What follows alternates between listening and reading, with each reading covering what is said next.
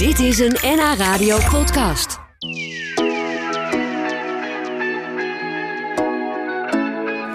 We gaan het hebben over leven in de vis. Want Bert de Groot uit Den Helder die is vandaag bij ons te gast.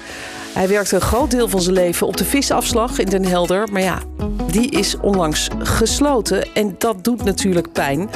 Welkom Bert. Fijn dat je er bent. Vanuit uh, het noordelijkste stukje van de provincie naar het meest zuidelijke. Ja, ik heb een stukje moeten rijden. Ja, goede reis gehad? Ja, was perfect uh, te rijden vandaag. Oh, goed ja. zo. Nou, je bent er gelukkig. We gaan uh, het zo hebben over jouw leven in de vis, noem ik het maar. Maar eerst iets anders. Ik zag dat je bent uitgeroepen tot Jutter van het jaar 2022. Gefeliciteerd. Dankjewel. Denk ik. Ja. maar wat is dat eigenlijk voor titel? Waar kun je dat mee winnen? Of waar krijg je Nou, voor? Het is eigenlijk nog sterker. Het is de jutter van het jaar. hè. Dus eh, veel inwoners van Den Helder zijn de jutters. Maar ik ben de jutter. En eh, ja, die prijs wordt uitgereikt aan iemand die zich heeft ingezet voor eh, Den Helder op verschillende vlakken. Het is natuurlijk wel zo dat je voorgedragen moet worden. Dus ik ben voorgedragen door een aantal personen. En een commissie heeft dat goedgekeurd. Dus Ja, ik maar- heb, Ja, maar waarom ben jij dan de jutter? Want het- moet je daar letterlijk voor strandjutten? Of is het, gaat het over iets anders? In eerste instantie zou je denken dat het heeft te maken met het jutten op het strand. Maar nee, het heeft gewoon te maken met dat je positief bent over eh, Den Helder. Eh, dat je goed bent voor de bevolking. Dat je iets positiefs bijdraagt aan de stad. Nou, mensen hebben gevonden dat ik eh, dat doe op verschillende manieren. Nou, dat is een hele eer, toch? Dat is het zeker. Ja. En ik voelde me ook heel erg vereerd. Ja, en wat, wat heb je dan zo al voor de stad gedaan? Waarvan je dacht, ja, logisch dat ik daar ook eens een keer een beloning voor krijg. Ja, kijk, in principe vind ik zelf, eh, dat is altijd zo'n beetje dat ik dat zelf niet zo heel bijzonder eh, vind. Want ik doe dit al sinds 2012. Maar ik ben heel actief op social media om eh, Den Helder positief op de kaart te zetten. Ja. En dat was natuurlijk voornamelijk eh, de visserij, omdat ik op de visslag werkte. Liet ik de mensen in Den Helder zien wat er eigenlijk allemaal in Den Helder gebeurde. Nou, dan met die prachtige zonsopkomst en zonsondergang in Den Helder... heb ik laten zien aan mensen hoe mooi Den Helder eigenlijk is. Ja, want je hoort ook wel eens, nou Den Helder, dat is een beetje een treurige stad. Maar eigenlijk valt het dus wel mee. De meest zonnige stad van Nederland altijd, hè? Ook dat en eh, vaak Ja. ook eh, de zonnigste of eh, de schoonste lucht heeft het. Oh ja. Maar net wat je zegt, soms wel eens een negatief beeld. Het einde van Nederland. Wij draaien het al om, we zeggen het begin van het Nederland. Het enige wat eindigt in Den Helder is het spoor. Je kan ook zeggen, het spoor begint in Den Helder. En het Noord-Hollands kanaal Ja. begint ook in Den Helder. Ja, ik snap het, ja. Positief denken, omdenken. Ja, Heel goed. dat is ook wel. Dat doe je goed en daarom ben jij de jutter van het jaar geworden van 2022. En we praten zo dadelijk verder met jou over Den Helder en over de visafslag die dicht is. Je werkt een groot deel van je leven daar. Bert de Groot is vandaag bij ons te gast. In Den Helder kent zo ongeveer iedereen hem. En nu is Bert de Groot ook nog verkozen tot de Jutter van het jaar. Dat is een bijzondere erkenning voor heldenaren die belangrijk zijn voor de stad. Eh, Maar dat is niet de enige reden dat hij vandaag bij mij in de studio is. Want Bert de Groot die heeft zijn hele leven in de vis gezeten. En de recente sluiting van de visafslag in Den Helder gaat hem dan ook zeer aan het hart. Ja, want die laatste vis werd, die werd geveld op 22 december. Ja, dat klopt. En op eh 2 januari gingen de deuren voor het laatst definitief dicht. Ja. Hoe was dat moment? ja, kijk, op een gegeven moment werk je daar naartoe. Maar kijk, iets waar ik, eh, ik werk er bijna 37 jaar. In februari werk ik 37 jaar op de visafslag. Dat dan gewoon één keer de deuren worden gesloten. Dat er geen vis meer is in, het, in, in Den Helder. Ja, dat is gewoon eh, onvoorstelbaar. En dat is, ook iets wat niemand ooit eh, zich had kunnen voorstellen. Dus dat was gewoon heel dramatisch en ook Ja. onwerkelijk. Ja, en pijnlijk. Kan ik me voorstellen als je er zo lang gewerkt hebt. Ja, je, je bent nog natuurlijk bezig met je werkzaamheden. En ik kan me best voorstellen, omdat, ik heb het ook nog nooit eerder meegemaakt. Dat het misschien eh, ja, wat later komt. Maar je ziet wel al gelijk dat de deuren dicht zijn. Je bent nou een paar weken verder. Het is al gelijk een oude fabriekshal lijkt het wel. Het is gelijk doods. Ja. Eigenlijk is een beetje de, mensen zeggen de ziel is eruit. Of eh, de levenskracht. Nou ja, dat is eigenlijk ook een beetje zo. De levenskracht van de visserij uit Den Helder is gewoon weg. Met het sluiten van de visserslag. Ja, dit heeft eigenlijk een effect op, op, op heel Den Helder, kun je zeggen. Ja, Den Helder is van origine een eh, visserijstad. Hè. Dus eh, de walvisvaders eh, die begonnen eigenlijk al in Den Helder met, met vissen. En ja, zolang men Den Helder kan heugen, is er altijd visserij geweest. En dat is gewoon nu verdwenen. Ja, dat is heel gek inderdaad. Alsof je de ziel eruit hebt gehaald. Ja, kijk, en er zijn natuurlijk heel veel families die verbonden zijn met de visserij. Den Helder dreef vroeger op de visserij en op de, op de marine. En daar zaten natuurlijk heel veel families waren daarmee verbonden. Dus niet alleen de visserslag, maar ook de kotters en heel veel families en omliggende bedrijven. Ja, die hebben natuurlijk allemaal, krijgen allemaal een klap van de molen. Ja, ja, dus dit is ook iets waar veel over gesproken wordt, denk ik, in Den Helder. eh, bij de mensen die jij ook kent. Eh, heb je het wel aanzien komen? Want het, het ging natuurlijk al een tijdje niet zo goed. Door onder andere de hoge energieprijzen. Maar er speelde meer natuurlijk. Ja, het is niet zo dat het van een op andere dag is uh, gekomen. Nee. Kijk, de visserij uh, heeft altijd al in zwaar weer gezeten. Dus als je de nieuwsbladen erop naleest, ook uit de jaren 60, jaren 70... kwamen er ook allemaal regels voor de visserij, quota-regelingen. Maar natuurlijk, hè, de, de discardverbod, windmolenparken, natuurgebieden, brexit... Gaat zo maar door. En uiteindelijk natuurlijk de oorlog in Oekraïne... waardoor de olieprijzen heel erg hoog werden. ja, zijn ze eigenlijk, dat was eigenlijk de laatste, laatste setje om uh, sommige visserbedrijven te laten stoppen. En toen besloot de regering om uh, een saneringsregeling in te stellen. Ja, en veel vissers hadden geen toekomstperspectief meer. Nee. Ja, en die hebben dan gewoon gezegd, weet je wat we doen? We stoppen er gewoon mee. Ja, we kiezen eieren voor ons geld. Ja. Dan hebben we dat tenminste nog. Ja. En, uh, ja, dat is begrijpelijk. Maar, maar pijnlijk is het wel als je er zo lang werkt. Je hebt er 37 jaar gewerkt, zei je net. Ja, dus klopt. hoe, hoe oud was je dan, als ik vragen mag, toen je begon? Nou, ik was uh, vrij jong. Ik werd uh, aangenomen als het kleine jongetje, Bertje. Ik was 16 jaar toen ik begon op de afslag. En wat deed je toen? ik begon eigenlijk als vissorteerder. En toen kwamen de kotters binnen en dan moest je eigenlijk uh, tong en school en allebei vissen werden op uh, maat gesorteerd. Daar ben ik mee begonnen. Uiteindelijk kwam ik in de weegploeg en in de loop der tijd ben ik uh, opgeklommen als bedrijfsleider. Zo hé. Ja. Oh, dat is, dat is mooi zeg. Ja. ja, dus dat is een hele carrière geweest. En, en weet je nog hoe dat was voor jou als 16-jarig jochie om daar met al die vis te staan en daar met je handen door die vis te gaan en te bedenken: is dit nou tong of is dit, wat is dit? Nou ja, kijk, ik had eigenlijk een opleiding gedaan als bakker en kok. Oh. Uh, ik zou eigenlijk uh, op de markt uh, komen te staan. Ik zou het, het, bedrijf van mijn opa overnemen, maar die kwam helaas toen ik 16 was te overlijden. Dus alle plannen die werden anders. En toen had iemand tegen me gezegd: Nou, er is wel, misschien wel een plekje vrij op de afslag. Dus uh, zodoende ben ik daar gekomen. Ja, en dan kom je daar als 16-jarige duizenden kisten vis. En ik kwam in februari van 86. Dat is ook de, de, de maand waarin de Elfstedentocht werd. Het was hartstikke koud. En dan stond ik daar tussen die vis. Mijn handen helemaal verkleumd. Nee, ik moest natuurlijk wel wat leren wat de school en wat de tong was. Dat, uh, dat kwam Ja. niet vanzelf. Ja, en goed balen, want je wilde dus eigenlijk bakker worden. Dat is dan toch weer even iets heel anders. Ja, dat was heel anders. Ja. Ja. maar goed, je kon toen niet voorzien dat jij de rest van je leven in de vis zou blijven. Uh, want blijkbaar beviel het je wel, Ja, het is dat hartstikke wereldje. Ja, zeker. Je, je- het was heel veel werk. Hè. Dus het was eh, ook voornamelijk veel nachtwerk. Hè. Begon om 12 uur, 1 uur s'nachts. En dan eh, ja, die, gewoon die vis verwerken. Hè. Die vis uit zee, die verse vis, eh, de, de, de verscheidenheid. En dan zou je misschien zeggen, ja, dat is toch elke week hetzelfde. Nee, maar elke week was anders. Ja, kwamen er ook wel eens gekke dingen binnen? Dat je dacht, hè? Wat zat er nou in het net? We hebben natuurlijk uh, afgelopen jaar Beeld Barry gehad. Ja, maar eh, de Tesla 1 eh, had bijvoorbeeld ook eh, afgelopen jaar een heel mooi beeld eh, gevangen, een boegbeeld. Ja, we, we, hebben- er is wel eens een dolfijn geweest, er is wel eens een tonijn geweest, er is al een, zijn hele grote haaien binnengebracht. Eh, grote bommen, autowrakken.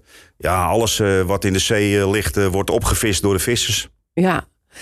Had toen niet kunnen voorzien misschien dat je ooit de bedrijfsleider zou worden. Maar ook niet, denk ik, dat je ooit de deur zou dichtgooien daar. Ehm, hoe, hoe is dat voor jou eigenlijk geweest in die, in die tussenliggende jaren? Wat, wat heb je daar allemaal meegemaakt en gezien? Nou, wat ik gezien heb, dat er natuurlijk een heleboel vis was toen ik begon. En eh, in de loop der jaren heb je dat zien eh, veranderen. Er zijn natuurlijk verschillende oorzaken voor. Opwarming van de aarde is bijvoorbeeld ook een, eh, een belangrijk onderdeel... waardoor er minder vis is, waardoor schepen verder moeten gaan. Zie jij dat ook inderdaad? Heb je dat de afgelopen jaren zien gebeuren? Ja, maar je kan het, aan de, je kan het bijvoorbeeld aan de vis zien. Vroeger was het zo, ja, vroeger, ik- nou klink ik wel heel oud.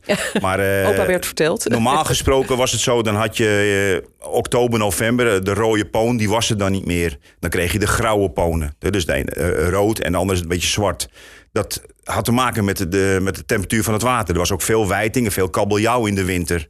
Maar nu is het zo dat je eigenlijk het hele jaar al rode poon vangt. Omdat het water warmer is. Omdat het water gewoon warmer is. Dus de, de, de vis, de koudwatervis, dat is zowel de school als de kabeljauw en de wijting, die trekken verder weg. De schepen moeten ook veel verder varen om hun vis te vangen. En ja, dat kost ook veel meer brandstof. En dat, Ja, en ja, zeker is alles nu. zo duur geworden. Ja, Ja, ja. dan wordt de vis dus letterlijk duur betaald. Maar Ja. eh, dat komt dus door heel veel factoren eigenlijk. Ja, is niet één, je kunt niet één weg. factor. Ja, De brandstof is veel duurder. ja. Ja, en, en uiteindelijk was er dus geen toekomst meer voor de vis in Den Helder.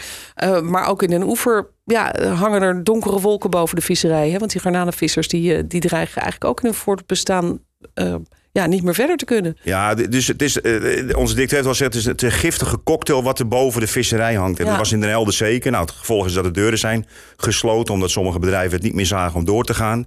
Nou, de vissers die nog wel zijn in Den Helder, die zullen ongetwijfeld hun vis eh, verkopen in Den Oever. Maar het volgende probleem dient zich alweer aan. Dat is uh, de garnalenvisserij, Ja. het stikstofprobleem en het gedogen om in de Waddenzee eh, te mogen vissen. Ja, dat houdt op. Goed, nou, we, we praten zo eh, nog even verder over, over het verleden. Hoe het, hoe het was, die jaren dat jij gewerkt hebt op de visafslag. Maar ook over de toekomst. Want is er nog wel een toekomst voor de vissers in de kop van Noord-Holland? Of gaat dat gewoon helemaal stoppen? Ik, eh, ik praat er zo nog eventjes over verder met eh, mijn gast van vandaag. Bert de Groot uit Den Helder. En die is ook nog uitgeroepen tot de Jutter van het jaar 2022. Praat nog even verder met Bert, Bert de Grote uit Den Helder. Hij eh, werkte een groot deel van zijn leven op de visafslag in Den Helder. Begon met, eh, nou ja, gewoon eh ja, vis sjouwen eigenlijk. Hè? Ja. Vis verzamelen. Die er binnenkwam en eindigde als bedrijfsleider. Maar ja, die visafslag is onlangs gesloten. Heel recentelijk, begin januari. Dat doet pijn, ook bij de vissers daar in Den Helder... die noodgedwongen gestopt zijn. Ja. Wat voor verhalen hoor je van ze? En wat gaan ze nu doen? Ja, kijk, het zijn ook hele verdrietige verhalen. Hè? Dus eh, vooral de, die, die jonge vissers die eh, eigenlijk de visserij hebben overgenomen van hun vader. En die hun vaders waren ook vissermannen. Hè? Sommigen die zijn na de oorlog begonnen met vissen. Die hebben dat, de visserij opgebouwd in de Den Helder na de oorlog. Ja, die moeten dus het besluit nemen dat ze stoppen met vissen. Dus datgene wat hun vaders en wat hun opa's hebben opgebouwd... daar moeten hun een keuze of besluit over nemen. En dat vinden sommigen echt heel verschrikkelijk en heel moeilijk. En dat is te begrijpen. Zeker, ja. En, en dit lot dreigt nu ook voor de garnalenvissers in Den Oever. Ja. Hadden we het net wel even over. Heb je daar ook wel eens contact mee? Hoor je er ook wel eens verhalen uit die hoek? Ja, dus eh, zeg maar, mijn werk gaat zich ook een beetje eh, verzetten naar eh, Den Oever. Ik ga een beetje pendelen tussen Den Helder en Den Oever. Maar ja, de granalen die liggen ook onder, onder vuur. Vooral via een natuurorganisatie die zeggen... ja, de vissers worden gedoogd in de, in de Waddenzee Noordzee. Dat moet eigenlijk stoppen. Dus hun zeggen eigenlijk dat gedoogbeleid... dat moet eigenlijk stoppen, zodat de vissers direct moeten stoppen. Ja, en de garnalenvissers die zijn het daar natuurlijk niet, totaal niet mee eens. Nee. Dat ze moeten innoveren en dat er soms misschien wat verbeteringen moeten komen. Dat weten garnalenvissers ook wel. Ja, maar het lastige is een beetje dat ze moeten dan heel veel investeren om eigenlijk hè, milieuvriendelijker te vissen. Ehm, en dat doe je natuurlijk niet als je bang bent dat je binnen een jaar toch moet stoppen. Want dan haal je die 40, 50, 60.000 euro er nooit meer uit. Nee, dat, dat klopt. Ja. Dus die garnalenvissers zitten dicht bij huis. Eh, die moeten zo'n stikstoffilter of een nieuwe motor. Dat kost gewoon 100.000 euro. Krijgen ze wel een beetje subsidie voor. Maar als je, als je over negen maanden bij wijze moet stoppen... Ja, dan, dan ga je nu niet investeren. Ja, En Kijk, die vissers begrijpen het ook niet. Want even iets verder ligt de botenlijn. En daar komen grote vrachtschepen voorbij. Waar bijvoorbeeld een, een cruiseschip...